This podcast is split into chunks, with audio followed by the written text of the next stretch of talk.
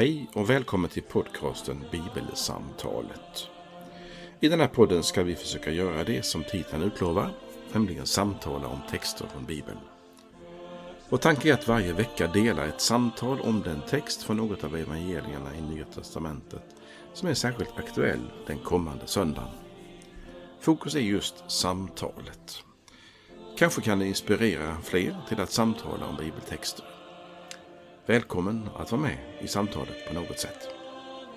Vi som gör den här podden det är Fredrik Borglin, kommunister i Istorps pastorat och Karl Magnus Adrian, präst bland annat tidigare i just Istorps pastorat. Välkommen att vara med. Idag har vi vårt samtal kring texterna på första söndagen i fastan. Och det är tredje årgångens läsningar i vår evangeliebok. Jag ska läsa den gammaltestamentliga texten idag från Första Mosebok kapitel 3. Och så ska jag också antyda evangelietexten. Ormen var listigare än alla vilda djur som Herren Gud hade gjort. Den frågade kvinnan, har Gud verkligen sagt att ni inte får äta av något träd i trädgården? Kvinnan svarade, vi får äta frukt från träden, men om frukten från trädet mitt i trädgården har Gud sagt, ät den inte och rör den inte.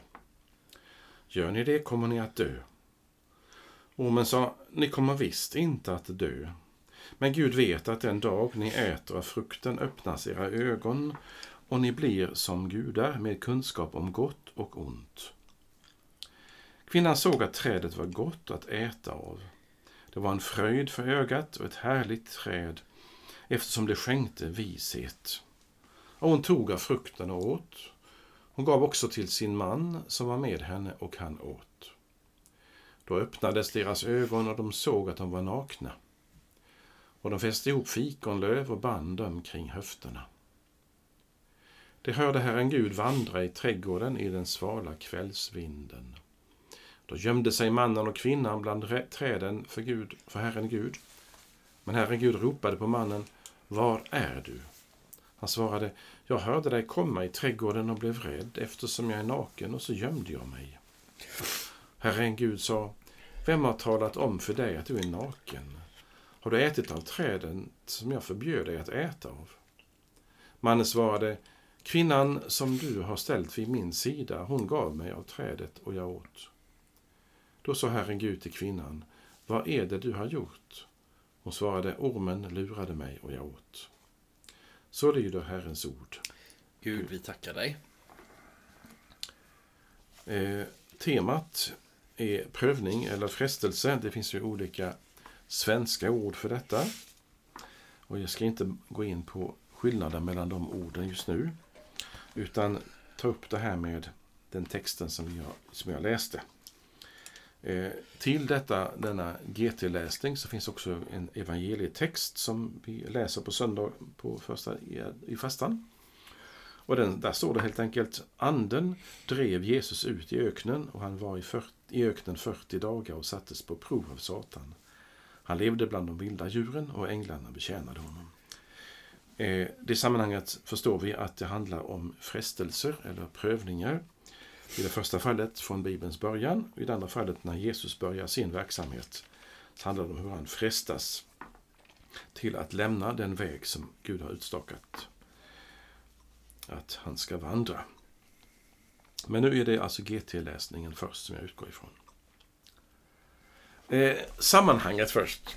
Denna texten finns ju med i Bibelns början och ingår i ett sammanhang med skapelse och syndafallsberättelse, som vi brukar säga. Mm. Eh, och när jag tänker på Bibelns inledning så tror jag att det är bra att läsa den, de här tre första kapitlen i ett brett sammanhang. Så som om det handlade om alla människor som har funnits, som finns och som kommer att leva.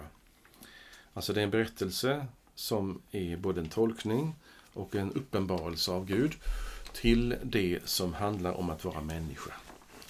Och då är det så att det som Bibeln startar med är inte det här om ormen och synden och frestelsen och det onda. Utan det är skapelsen i två kapitel. Och sen kommer det onda insmygande, som i berättelsen, likt en orm som slingrar där i gräset. Och då ska vi gå igenom denna text idag som första bit. Och jag kan väl göra så att innan jag börjar botanisera i texten så tror jag att min vän Fredrik eh, vill eh, lyfta ögonen bort från texten till ett sammanhang istället. Det brukar vara så Fredrik. Ja, och jag hade, jag hade tänkt lite på evangeliets sammanhang, men, men vi kanske ska vänta med, med det sammanhanget och tänka på, på liksom den, första, alltså den texten som du har lite satt nu i, Ja. i vårt fokus idag. Mm. Eh, ibland så, du, du talar om de första tre kapitlen, ibland så tänker man ju på de typ första elva kapitlen som någon slags, u, alltså av första Mosebok, de första elva kapitlen i hela Bibeln. Eh, som man bakar ihop, alltså det vill säga skapelsen och syndafallet och berättelsen om Noa och floden och Babels torn och språkförbistringen. Alltså det skapas olika språk och människor sprids ut. Och, eh, och, och, det är, och eh, det är ungefär detta som händer. Och ett och annat till i de här första, i de första elva kapitlen i, Bibeln, i första Mosebok i Bibeln. Och så, så brukar man kalla det för urhistorien och så ibland så så säger man så att det här är det här är, är, är ord i Bibeln som man läser kanske på ett lite annat sätt än när man sen i slutet av kapitel 11, början av kapitel 12 talar om Abraham. Liksom. Eh, och, och då kan man fundera på sådär att ja, är, är den här texten annorlunda och sådär. Och man, man, ja, man, man eh, ja. Men, men liksom det, det, det är några avsnitt där i början av Bibeln som man ibland tänker att det här talar, som, det här talar om en... Eh, det här är, det här är passager som man kanske läser på ett lite annat sätt än när man sen liksom går över till att läsa mer om Abraham och om Guds folk som är i Egypten och leds ut därifrån och sådär. Vad tänker du om det? Skulle det påverka förståelsen av texten menar du? Nej, jag vet inte riktigt. Jag, för för jag, jag, jag tycker mig jag har hört ganska många gånger så här att, att man, man tar liksom Bibelns början med skapelse och syndafall och sådär. Och, eh, och, så, och så ibland så betonar man att vi ska läsa den här på ett lite annat sätt. Eh, Vad menar man med det då? Ja, det vet jag inte riktigt. Och jag, funder, jag, jag, jag tycker att det är lite oklart ibland det där. Eller att man till exempel säger att nej, men om, det står att Gud skapar världen på sju dagar. Och, och, och, och då är det många som säger så här. Och, och det får de gärna göra också. Liksom, att, att, men då, det är kanske svår, det är kanske svårt för, för, för, den, en- för den enskilde, för någon att tänka att, att det faktiskt är sju 24 timmars dygn. Som vi tänker oss. Utan det skulle vara så att säga sju tidsåldrar eller någonting annat. Och, alltså, sådär, och att, medans eh, när vi sen går in i kapitel 12 i första Mosebok och vi hör om Abraham då om det står att Abraham bodde tre år på ett ställe då kan man tänka att då är inte det en bild för någonting utan då är det tre faktiska år han bodde på en viss plats och sådär. Och så, så funderar jag på om det finns någonting väldigt bred flummig fråga här som du märker. Alltså, Men, men då undrar jag så här, finns det någonting i texten i sig själv? Till exempel i dagens text som säger att det här bara är en bild för någonting. Eller, eller ska vi... ehm, jag tycker att det, det som är... När jag tänker... När jag försöker formulera för mig själv en sorts rimlig sätt att förstå de här sakerna som är dunkla. Mm. Det finns mycket dunkelt ju. Mm. Så det att det vi vet, det vet vi. Och det vi inte vet, det vet vi inte. Det Mm. var mycket intelligent sagt kanske. Mm. Men det Mm. var inte så konstigt. Nej. Nej, jag menar inte att det var intelligent sagt utan snarare ett självklart påstående. Det vill säga, det finns budskapet i texten som den står Mm. är alltid poängen. Mm. Men när man för mycket handlar, han, handskas med att få se sammanhanget i den här typen av svårigheter, för det är verkligen knepigt att se hur man ska förstå en del av texterna från eh, i Bibelns början naturligtvis. Eh, det finns också profettexter som är mycket svåra att förstå sig på. Så, det mycket, så kan man ju välja att antingen så håller man på med en teknisk genomgång och försöka förstå vilka ord som är som är med, vad Gud kallas och samma olika hypoteser kring hur texterna kommer till. Men det menar jag att det släpper vi i vårt samtal. Mm. Utan det som jag tycker är värdefullt i det här sammanhanget vi pratar om idag, Mm. det är denna text, vad handlar det om? Vad, vad, vad berör det för någonting? Eh, och då menar jag att av, när vi ställer den frågan Mm. så är din viktiga fråga om förståelsen och hur man ska läsa och tolka ställena. Det kommer ett annat ljus. För vi kan läsa detta också ihop med våra judiska vänner Mm. och få, och få hjälp av dem att se på de här texterna. För hamnar vi direkt i diskussionen om 7 gånger 24 timmar när det gäller Mm. skapelsekapitlet, mm, första till exempel, eh, så är vi långt borta från att kunna se vad är budskapet i de här texterna. Och det är för mig avgörande.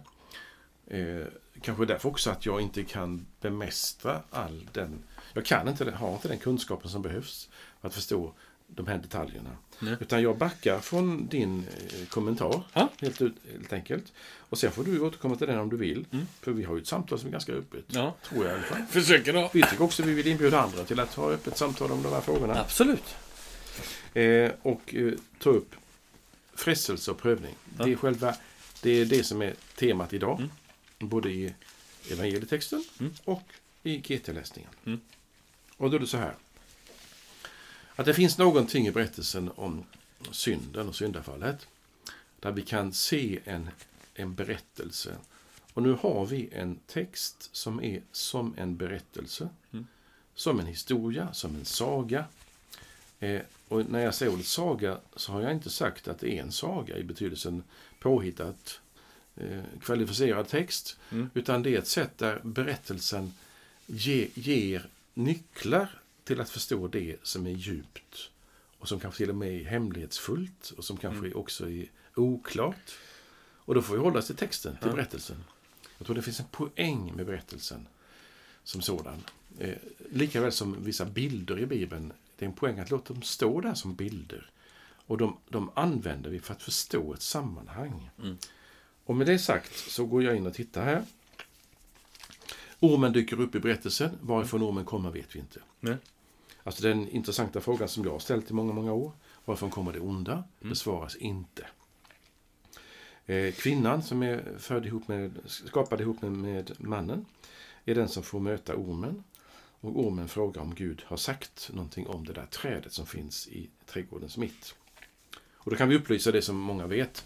Att det var ju massor av träd, men det var två som är märkta med namn, egennamn i, Mm. i den här berättelsen. Mm. Och det är kunskapens träd och det är livets träd. Livets träd får de äta av, men inte av kunskapen. Av någon anledning. Det står att det är kunskapens träd om gott och ont. Kanske kan betyda på hebreisk sätt att det är en kunskap om allting. Och den kunskapen vill Gud inte att människan ska ha. Så kan man läsa den tycker jag rakt upp och ner. Det är någonting som Gud har dolt i sig själv. Och det ska vi inte spekulera i. Och det är just detta som är det intressanta i berättelsen, att kvinnan blir intresserad. Och hon berättar som svar till ormen att vi får äta av frukt från träden, men inte från trädet mitt i trädgården.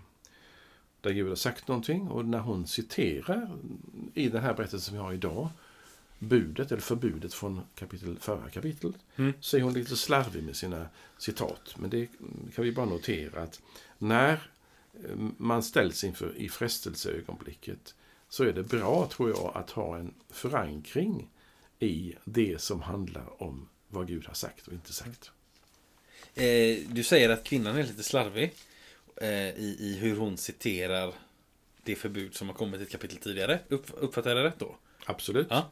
Och då tänker jag så här att det finns också någonting i, i ormens tillvägagångssätt här i början som är rätt så lömskt.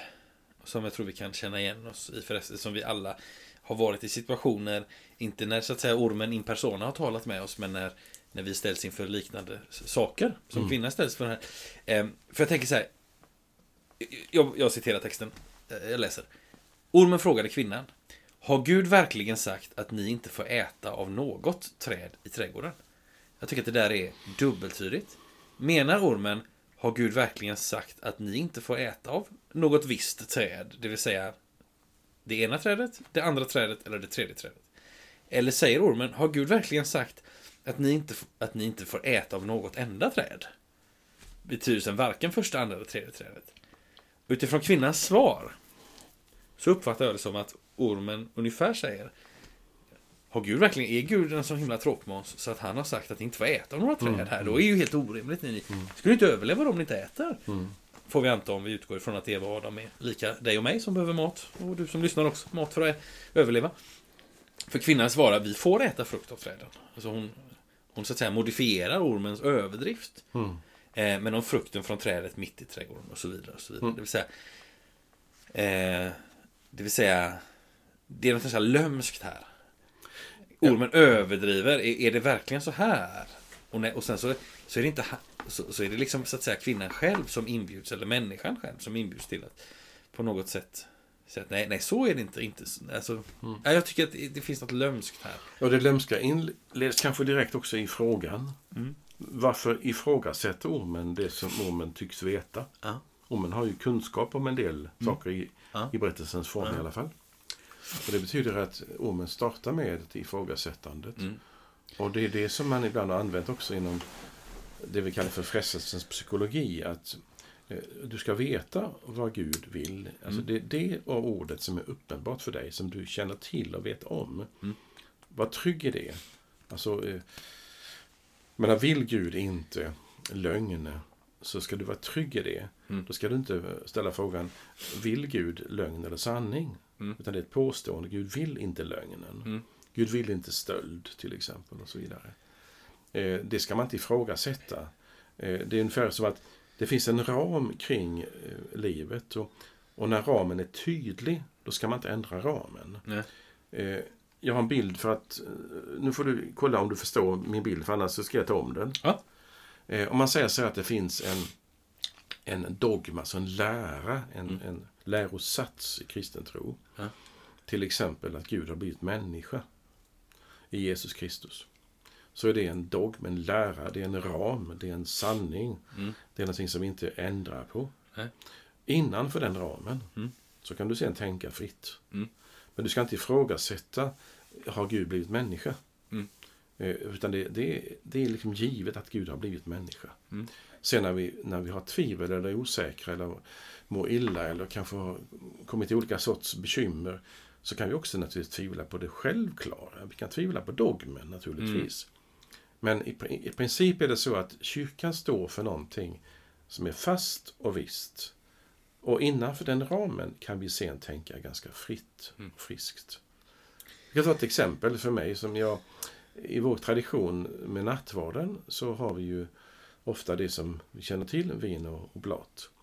När jag var för många år sedan i eh, Berlin och gick till mässa i den lutherska domkyrkan i Berlin och kom fram till altaret så fick jag först bröd, ett oblat och så fick jag vitt vin. Mm. Och blev lite ställd. Oj, är det vitt vin? Mm. Tänkte jag. Och så jag tog emot naturligtvis. Ja. Då kan man säga, det är inget som har sagt att det ska vara rött eller vitt vin. Ja. Det, är- det är frihet som råder där. Ja. Men vin har vi fått av Jesus i alla fall. I alla fall. Mm. Då menar att det finns någonting som är givet och någonting som är fritt. Mm. Och då tycker jag att när ormen startar med en fråga Mm. så startar frestaren med det som egentligen vi vet om. Mm. Ungefär som jag skulle säga till dig Fredrik. Eh, eh, är det rätt av mig att ta din bil Mm. när jag hittar nycklarna på golvet? Mm. Nej, jag ska inte ställa den frågan. Nej. Jag får inte ta din bil. Det, det får man inte göra. Nej. Eh, Oavsett var du hittar nycklarna. Så att Ja, säga. ja. Tycker du att en bild fungerar? Jag tycker att den bilden fungerar. Och, och om jag förstår det rätt så handlar det också om att eftersom du så att säga, eftersom vi hör att det första ormen säger är har Gud verkligen sagt? Så förstår vi, ormen har förkunskap. Naturligtvis. Eh, och, och, och, och det har Eva också. Och, och, och eftersom ormen inte säger, börjar med att säga, och vi antar att de inte heller har talat vid tidigare. Ormen säger inte, berätta för mig vad Gud har sagt nu. Mm. Så ska jag problematisera det. Nej. Eller så. Utan, utan eh, nej men jag, jag tror att jag är med på bilden, Mm. absolut. Ja. Eh, Vi går vidare i samma berättelse. Gärna. Vi har sagt att ormen och kvinnan är lite otydliga, eller lite Mm. slarviga med Mm. citaten från kapitlet innan. Ehm, ormen lägger till till exempel att vi får inte äta av trädet och inte heller komma nära det. Nej. Och så vidare. Det har Gud inte, alltså Gud, eh, kvinnan skärper, gör Gud mer vrång, mer Ja, mer lagisk. Ja, men, ja På något kan sätt. vi säga. Okej.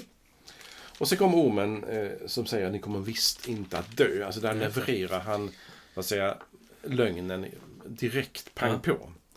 Men Gud vet att när ni äter så kommer ni att bli lik Gud. Mm. Det vill säga, den ondes sätt att tackla det är att misstänkliggöra Gud själv. Mm. Det är Gud som är, som är liksom angreppspunkten i människans tro. Mm. Du ska släppa tron på Gud. Det, det är liksom därför som frestelsen kommer. Mm. Eh, och då märker vi att då, poängen med frestelsen är egentligen inte att ajabaja, du får inte ta av fruktens träd. Det är det pro- problemet. Nej, frestelsens mål är att du ska misstänkliggöra Gud. Mm. Du ska släppa honom. Mm. Alltså det är inte Gud det handlar om. Frestaren, därför lägger han liksom tonpunkten på, på det andra. Eh, jag, när, när jag såg detta för många år sedan så tänkte jag så här att om nu, om nu Gud för, liksom binder ett, en, det är ett förbud mot att äta ett visst sorts frukt. Mm. Det vet vi från berättelsen. Varför lägger Gud en sån vikt i berättelsen om en sån struntsak eh, som att äta av en frukt? Det kunde vara vad som helst annat. Mm. Tänk om Gud hade sagt att ni får inte mör- mörda varandra. Mm. Då skulle Eva och Adam säga nej, så dumma är vi verkligen inte. Nej. Alltså de är intresserade av själva saken, själva handlingen, själva föremålet. Mm. Men det handlar inte om föremålet. Utan det handlar om att respektera du Gud eller inte. Mm. Tror du på Gud eller tror Mm. du inte på Gud? Vill du böja dig för Gud eller vill du inte böja dig för Gud? Det är själva nyckeln till i berättelsens form. Som sen är innesluten i en mycket, vi kan kalla det för naiv berättelse Ja. om ett visst träd och sen frukt som man plockar av det. Eh, Och så blir man intresserad av vilka synder, vilka saker är synd? Mm. Och så gör man liksom en, en syndkatalog. Mm. Och så har vi sju stycken saker som, är saker som vi inte håller på med. Och du har en lista på åtta kanske, ännu mer som, Mm. som är synd. Och så säger man, nej det ska jag akta mig för. Håller jag mig borta från det så finns det inga problem. Nej.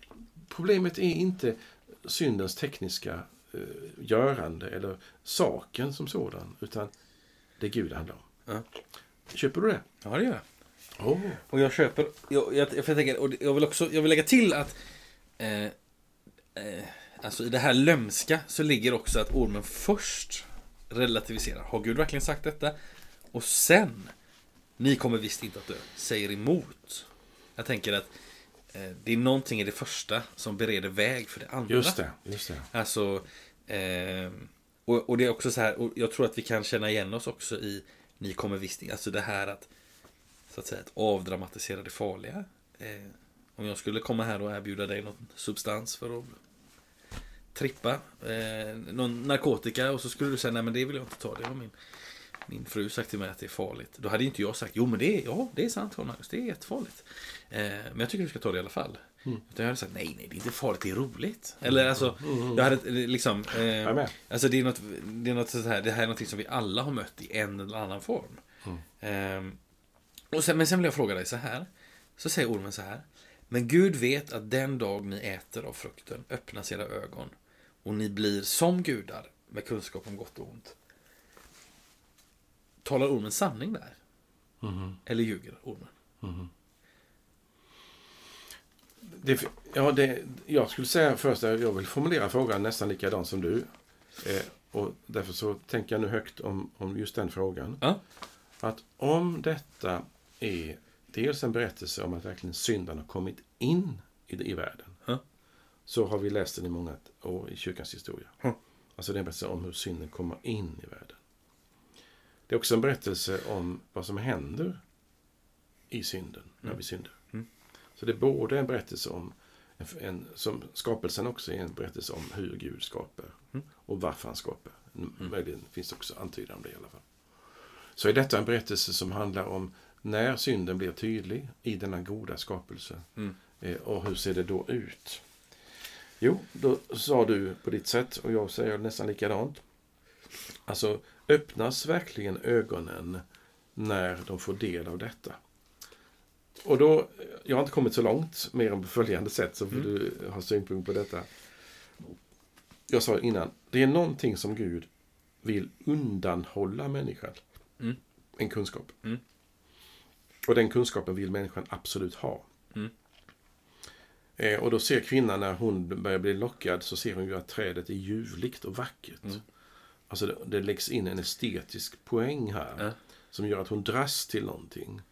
Eh, Om det är nu så här att eh, frukten, eh, konsekvensen är väldigt ond och hemsk för människan som det är i berättelsen här. Mm. Så finns det någonting innan de har kommit dit som är ljuvligt, vackert, skönt. Mm. Som lockar.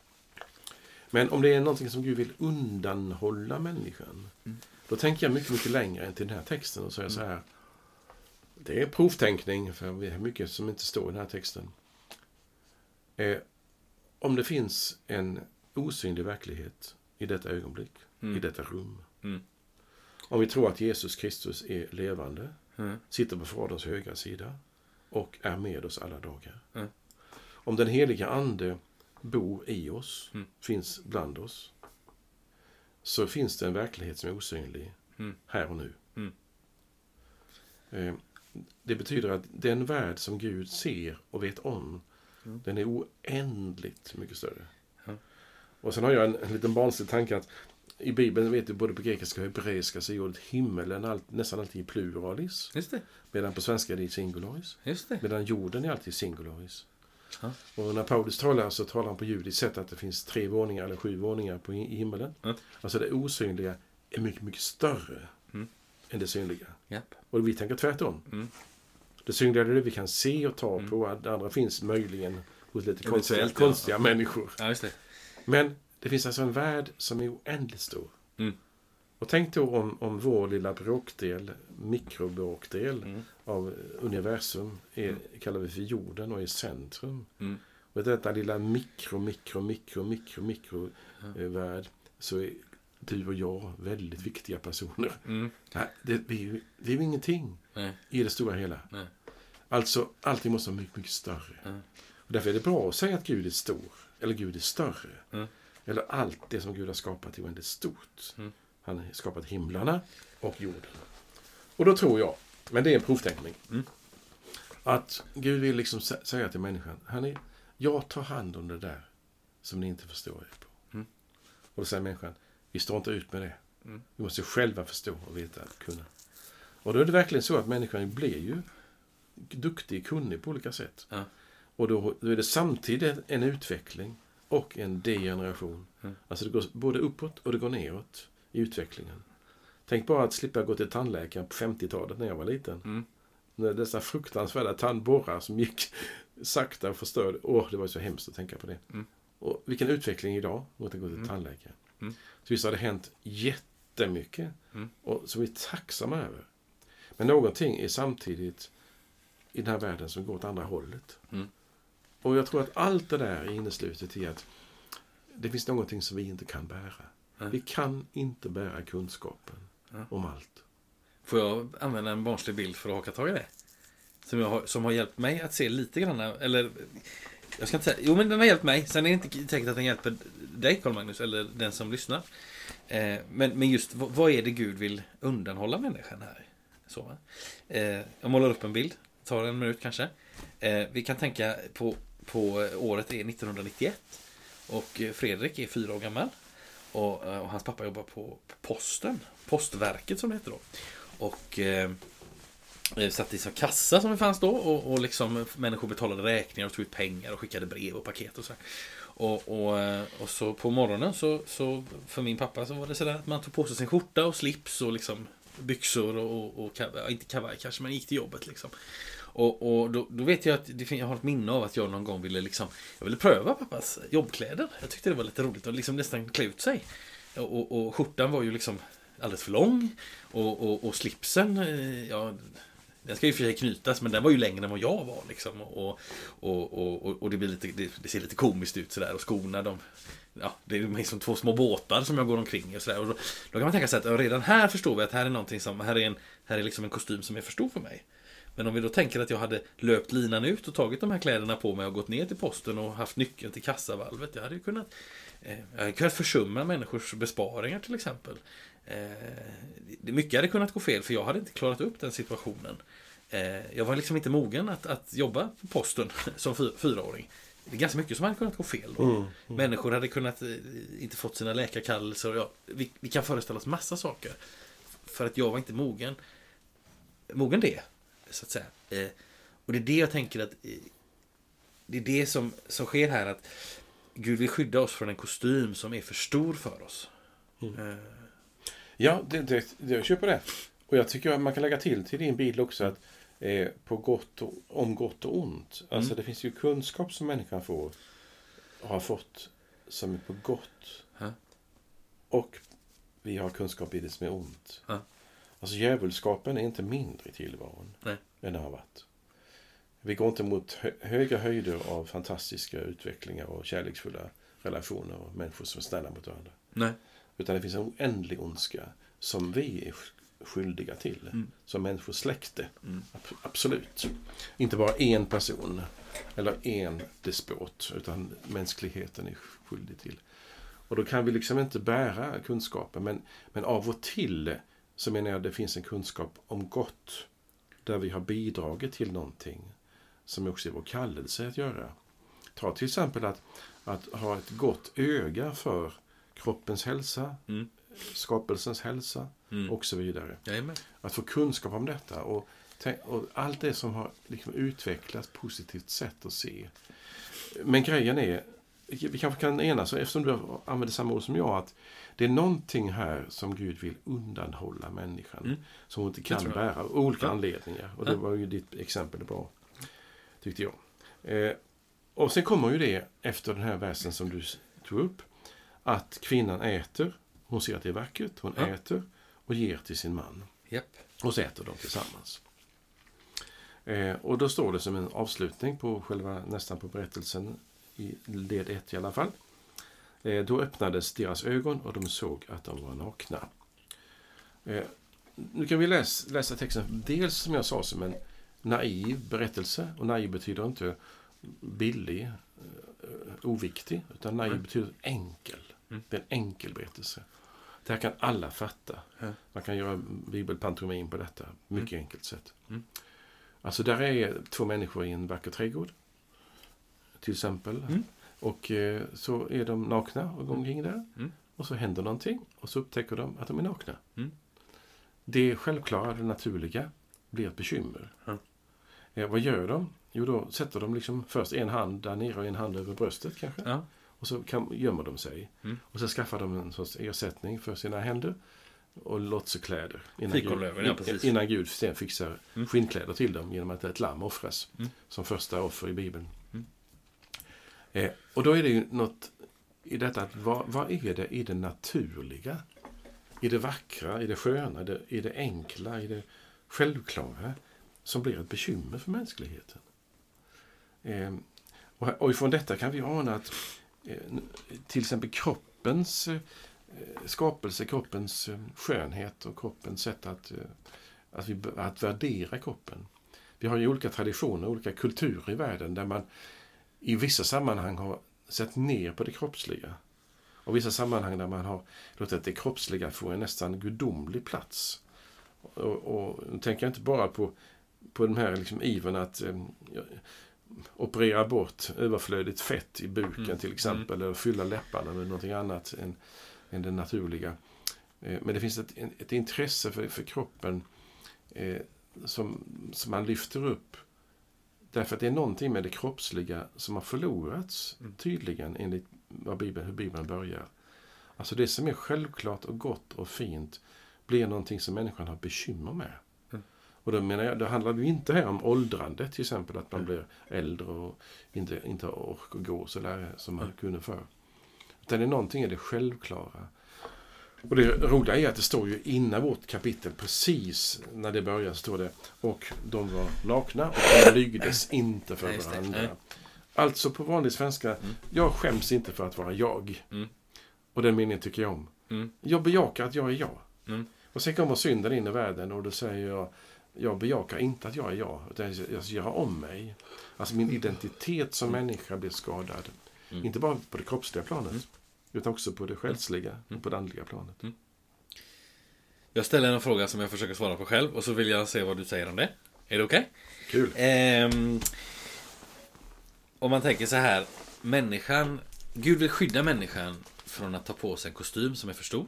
Ja. Eller skydda människan från att ge i de nycklarna till det stora kassavalvet. Mm. Eh, men, men i och med detta så, som vi läser om här så, så människan tar ändå på sig den här jättekostymen.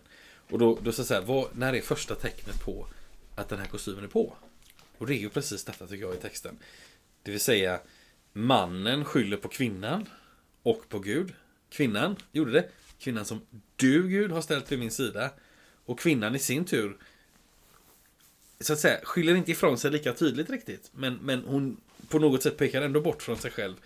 Lite grann när hon säger ormen lurade mig och jag åt. Men det är så att säga mannen framstår ju som särskilt osympatisk här blir det synligt tycker jag. Där har vi den alldeles för stora kostymen. Som är på. Och Adams händer sticker inte ut ur kavajärmarna utan de är en halv meter in. Liksom. För att? Eh, det vill säga han, för att han tar inte ansvar för det han har Nej, gjort. nej. Utan han säger till Gud, eh, kvinnan som du ställde, det här är ditt fel Gud. Mm. Eh, Sen, menar, även om vi läser texten på ett enkelt naivt sätt så kan Mm. vi ju tänka att, att Adam finns ju så att säga, med i sammanhanget. Mm. Hon, hon ger ju frukten till Adam också. Så den gemensamma skulden. Eh, Paulus har eh, på ett annat ställe en, en liten kommentar som jag inte ska gå in på nu. Eh, Men, men här i texten här så är det uppenbart i alla fall att mannen och kvinnan gemensamt har ett ansvar för det som händer. Mm. Bägge två står ju inte för det som du säger. Nej. Det vill säga, med ett värde som människa följer ett ansvar. Mm. Och i ett ansvar, ansvar får man för att man har ett värde. Ja. Och, det, och tar man sitt ansvar som människa så är det ungefär som att säga att jag, har inget, jag betyder ingenting. Mm. Jag tänker ibland på, det är ingen idé att uppfostra en katt, så man kan inte dressera en katt. Eh, Men, men har du ett värde, om, jag, om vi har sagt till varandra till exempel att vi ska inte ha skorna på i, här inne i rummet. Till exempel. Eh, så eh, säger jag till dig för att det är just i mitt rum du Mm. sitter i. Jajamän. Och gör, har du skorna på så säger jag till dig att du har ett ansvar att ta av dem. Och hade du inte haft ett värde så hade jag inte sagt till dig utan du Mm. hade tagit av dina skor. Mm. Tvingat dig till det. Mm. Men har du ett ansvar. Mm. Och ett, du, du är värdefull och därför har du ett ansvar. Och det är ju det här som, som står och faller i den här texten. Mm. Alltså människan som har ett värde inför Gud, som är högt älskad, som är själva liksom kulmen nästan i skapelsen. Mm. Den människan klassar sig själv som värdelös, tar inte Mm. ansvar för sig själv. Mm. Och därför är det så knepigt, tycker jag, när man, eh, man ser så här att det moraliskt eh, tragiska för oss människor, det är ju egentligen att inte stå för det som är sant. Eh, och det är så sant att om jag gör fel så gör jag fel. Om jag gör rätt så gör jag rätt. Alltså att stå för det. Och det som sker här, det är ju den stora lögnen som kommer in. Ja. Alltså det är fake news ungefär. Ja. Det är, jag tar inte ansvar längre. Jag hittar på det som, det som bara finns. Som jag låtsas finns, Mm. finnas. Och då är det ju djupast sett att när människan inte tar ansvar Mm. så är ju problemet ungefär Gud som har satt mig här. Det är inte Mm. jag som har bestämt. Mm. Jag har inte önskat komma hit, säger Adam. Ungefär. Det är du som har gett mig kvinnan. Det är ditt problem och ditt ansvar. Mm. Alltså, jag tar inte ansvar längre. Och därför är den där texten också en sån djup och tragisk berättelse om människans förfall. Ja. Inte bara nu fallet i synd som vi talar om, Nej, utan i människans förfall. Mm. Att inte stå för det som är sant. Nej. Sanningen förloras i den här berättelsen. Ja. Och då blir ju också varje... Då finns ju en risk, utifrån det så finns ju en risk att varje tal om att en människa gör fel, att vi syndar och så vidare, blir en... Det, en, det, det finns en risk att det landar i att det blir en attack som jag bara slår ifrån mig. Ja. Att jag inte, så att säga, jag, jag tar inte det ansvaret. Jag, och, jag, och jag tror också det, det beror på att människor ser inte varför skulle jag, varför skulle jag göra det. Mm. Eh, Jag, tänk, jag tänker på liksom att det finns, om någonting händer här. Nå, eller för det gör det ju i den här texten. Någonting händer. Eh, som gör att människan går från att vara liksom, om vi kan säga modell A1 till att vara, eller till att, från att vara A1 till att vara A2. Alltså det, det, någonting förändras i eller med människan i och med det som sker i texten här. Mm, mm. Och, och då kan man tänka så här, det är först om vi så att säga ställer A1 och A2, vi ställer må- människan före och efter syndafallet bredvid varandra som vi förstår, ja men vad, vad är det som har hänt och, och, och hur kan jag se på mig själv då? För att, så att säga, jag, vilken människa är jag liksom? Ehm, En bild som, som har hjälpt mig där, det är, det är bilden av människan som ett, som ett glas, eller som en, ett glasföremål. Att, Mhm. att vi, vi skapar det som att liksom, då tänker vi liksom ett väldigt vackert glasföremål. Vackert men kanske också i någon mån skört. Men, men ja, något väldigt fint som kan också bära någonting fantastiskt och, Mm. och välsmakande om man så vill. Och, och det som händer när, när, när människan äter den här frukten, i, det är att, att någon kommer och sätter sitt, sitt tumavtryck på oss. De kommer med, med fingrarna fu- fulla av fiskleverolja och, och greppar tag i oss. Mm. Och sen kanske släpper oss, men, men det, det är fem äckliga, eh, eller det, det är några liksom avtryck kvar som, Mm. som sedan tvättas bort i dopet och i förlåtelsen. Mm. Men, men liksom att det, så att säga, men, och, och, och, men vi, vi, är inte, vi, inte- vi är fortfarande intakta som glas. Vi är inte krossade, vi är inte kastade till marken. Mm. Eh, Du får gärna förkasta bilden. nej, nej, nej, nej vi inte, alltså, det, det finns ju en poäng. Vill du säga bland annat att vi inte är odugligförklarade. Vi är inte, vi är inte, Nej, vi är inte vi inte. utsuddade som individer, som människor. Alltså mänskligheten är inte förakt, förkastad. Nej. Eh, Vi är fallna, människan är fallen i synd. Mm. Och det här är ju anledningen till att Kristus kommer. Ja. Att Gud blir människa. Ja. Naturligtvis. Eh, och sen så är det också, när vi talar om synden, om Gud, som jag sa nyss, så finns det en sak till som jag skulle vilja beröra i, i samma veva som du tar upp nu. Och det är att Ja. när, när eh, de har insett att de är nakna och eh, finner någon skam inför detta. Ja. Skulden kommer ju strax också, men, men skammen finns där direkt. På något vis. Det vill säga, jag är fel. Skulden kanske handlar om att jag har gjort fel. och så. Mm. Men skammen är väldigt svår att, klara, att få bort och den sitter, djupt i oss. Sen står det att Gud vandrade omkring i trädgården. Mm. Och så säger han, var är du? till Adam. Mm. Eh, ja. Och då ser jag bilden framför mig fortfarande, den där vackra berättelsen. Att bakom en stor träd här så, så gömmer han sig, Adam. Ja. Och så kommer du säga, vad va, vad är du Adam? Vad är du? Ja. Och då så tittar han fram med huvudet och säger, här är jag. Mm. Jag gömde mig för jag tänkte att... Och så vidare. Ja. Eh, så har ju det ibland, jag minns att jag själv många år har tänkt så här att det första Gud säger till den syndiga människan, fyrkantigt ord, Mm. alltså den fallna människan, Mm. det är att han ska bestraffa henne. Kommer du fram? Mm. Eh, Men det står, inget, det står inte så, utan det Mm. står att Gud så att inbjuder Adam till att träd fram ungefär så att vi får samtala med varandra. Vi får Mm. mötas igen. Du har väl inte... Glöm inte att du är skapad till min avbild. Mm. Vi får tra, prata med varandra. Alltså detta med att, att Gud efter syndafallet och till den syndiga människan säger Var är du? I betydelsen Jag vill någonting med dig. Mm. Ehm, du vet när Jesus möter Petrus efter uppståndelsen Mm. så har de ju ett litet möte som är tydliggjort i Johannes sista kapitel. Jajamensan. Älskar du mig? Eh, ungefär som att har allting gått sönder Petrus? Eller kan du, kan du älska mig? Eller Mm. är, är allting förstört för dig? Du kunde älska Mm. mig innan ju. Mm. Kan du det nu? Mm. Och då har Petrus fått självinsikt, vilket han Mm. inte hade innan. Ju. Det. Och nu här i berättelsen om syndafallsberättelsen i kapitel 3 i Första Mosebok. Så när Gud träder in på arenan efter synda för alltså till den syndiga människan. Mm. Så säger han, tror jag, det är också en, en parentes naturligtvis, att Adam, var är du? Nu ska vi mötas vid. Alltså, den ansvariga människan, den värdefulla människan, ställs att, att, inför ett ansvar. Och det tycker jag är otroligt stort. Ja. Medan jag har tidvis tänkt, har jag tänkt det som en sorts bestraffning. Men det är tvärtom att nu ska vi göra upp med varandra. Ja. Tänk om du och jag är, är verkligen är otal, vi, vi bråkar om någonting. Jag har gjort illa dig till exempel. Och, så. Ja. och så möts vi och vi säger ingenting om det som har varit. Vi lägger locket på. Då går vi båda två eh, dagar och veckor och tänker jaså, jaha, Mm. varför? Ja men säg som det. Mm. Och då kanske du till slut säger, Karl Magnus, jag måste berätta för dig att det du gjorde för tre veckor sedan, det gjorde mig ledsen. Mm. Då säger jag inte en sån dumbom du är. Jag trodde du var kompis med mig. Ja. Utan jag säger väl i bästa fall i alla fall att tack för att du säger det. Ja. Så vi får göra upp. Ja. Och, och det är därför att vi är värdefulla Mm. har ett ansvar och värde. Och när detta förloras, då förloras relationerna mellan oss. Mm. Och så blir vi solitärer som bara går på eget, tror Mm. att vi är solar. Mm. Nej, vi, vi är månen som får ljus från ett annat håll. Mm.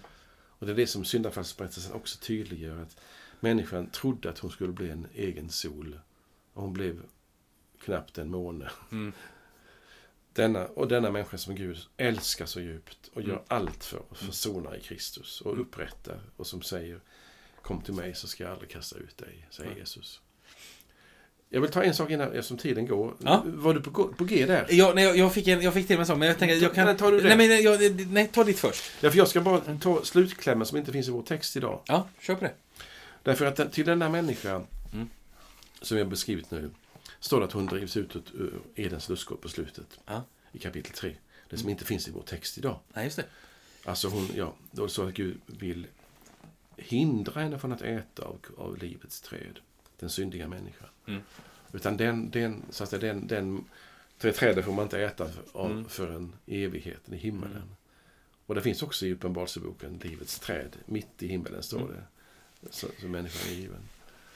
Och dessa, denna, detta träd i Edens lust ska bevakas av två stycken keruber, Mm. står det. Som vars bild var, eller på något vis symboler var broderade på förlåten, draperiet i templet. Mm. Mellan det heliga och det allra heligaste. Och när Jesus dör så, Mm. så går det åt sidan. Det. Det vill säga de keruberna som bevakar vägen till livets träd, de går åt sidan och släpper in människan. När Kristus har försonat världen med sig och gått in i det allra heligaste, det vill säga öppnat vägen till Gud, så säger han, det blir den bönen som vi har citerat ibland här, Mm. Gud tack för att vägen till dig alltid är öppen genom Kristus. Det är den som öppnas i Kristus. Ja. Den stängs här Mm. i kapitel 3 i avsnittet och öppnas i Kristus. Mm. Som en bild för vart vi är på väg. Det vill säga den, den människan fallen i synd, hon har en framtid. Hon är inte bara älskad och skapad, och- eller skapad och älskad. Utan hon är fallen i synd Mm. och hon är försonad i med Kristus, Mm. vad han gjort allt. Och Mm. vägen till Gud är öppen genom Kristus. Fint. Ja. Ja, eh, ja men jag, jag tänker det, det är viktigt att man när vi läser den här texten så att vi, vi ser att här har, här har förändrats någonting. Men, men det, är, inte- det är inte det som sker det är inte det som sker efter syndafallet. Alltså de här, som jag använde bilden innan med de smutsiga fingeravtrycken. Det är inte det som djupast sett definierar mig som människa. Utan Nej. det är den Gud gjorde mig till innan. Och om jag, om jag kan bejaka det och, och kan få upptäcka det också och ta det till mig och se att ja, men jag, är- jag är det här glas fantastiska som också är värt att vara rädd om för det är ju ett glasföremål. Så, så kan jag också, så är jag också bättre rustad att faktiskt se den sanning som det är att jag har också de här tumavtrycken på mig. Ja. Och, Ja, verkligen. och jag, det, var, det var roligt här, jag vet inte, du som lyssnar men för några minuter sedan kanske du hörde något, något pipande. Om du känner igen kanske ljudet av en backande lastbil. Eh, och det var för att, ja vi sitter ju här hemma hos Carl Magnus och så var det dags för soptömning här. På Mm. andra sidan den här liksom, trädgården här. Mm.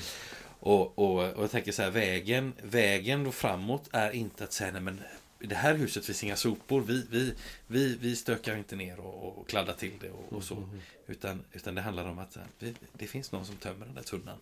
Eh, Mm. Ja, Eh, lite långt försök Ja, Men jag, jag tycker det var fint. Om, om, Ja. För, för det, det blev så tydligt när, när liksom vi såg detta ske utanför Mm. fönstret. Vi tackar för soptömningen både här och i sakramentet i avlösningen. Underbart.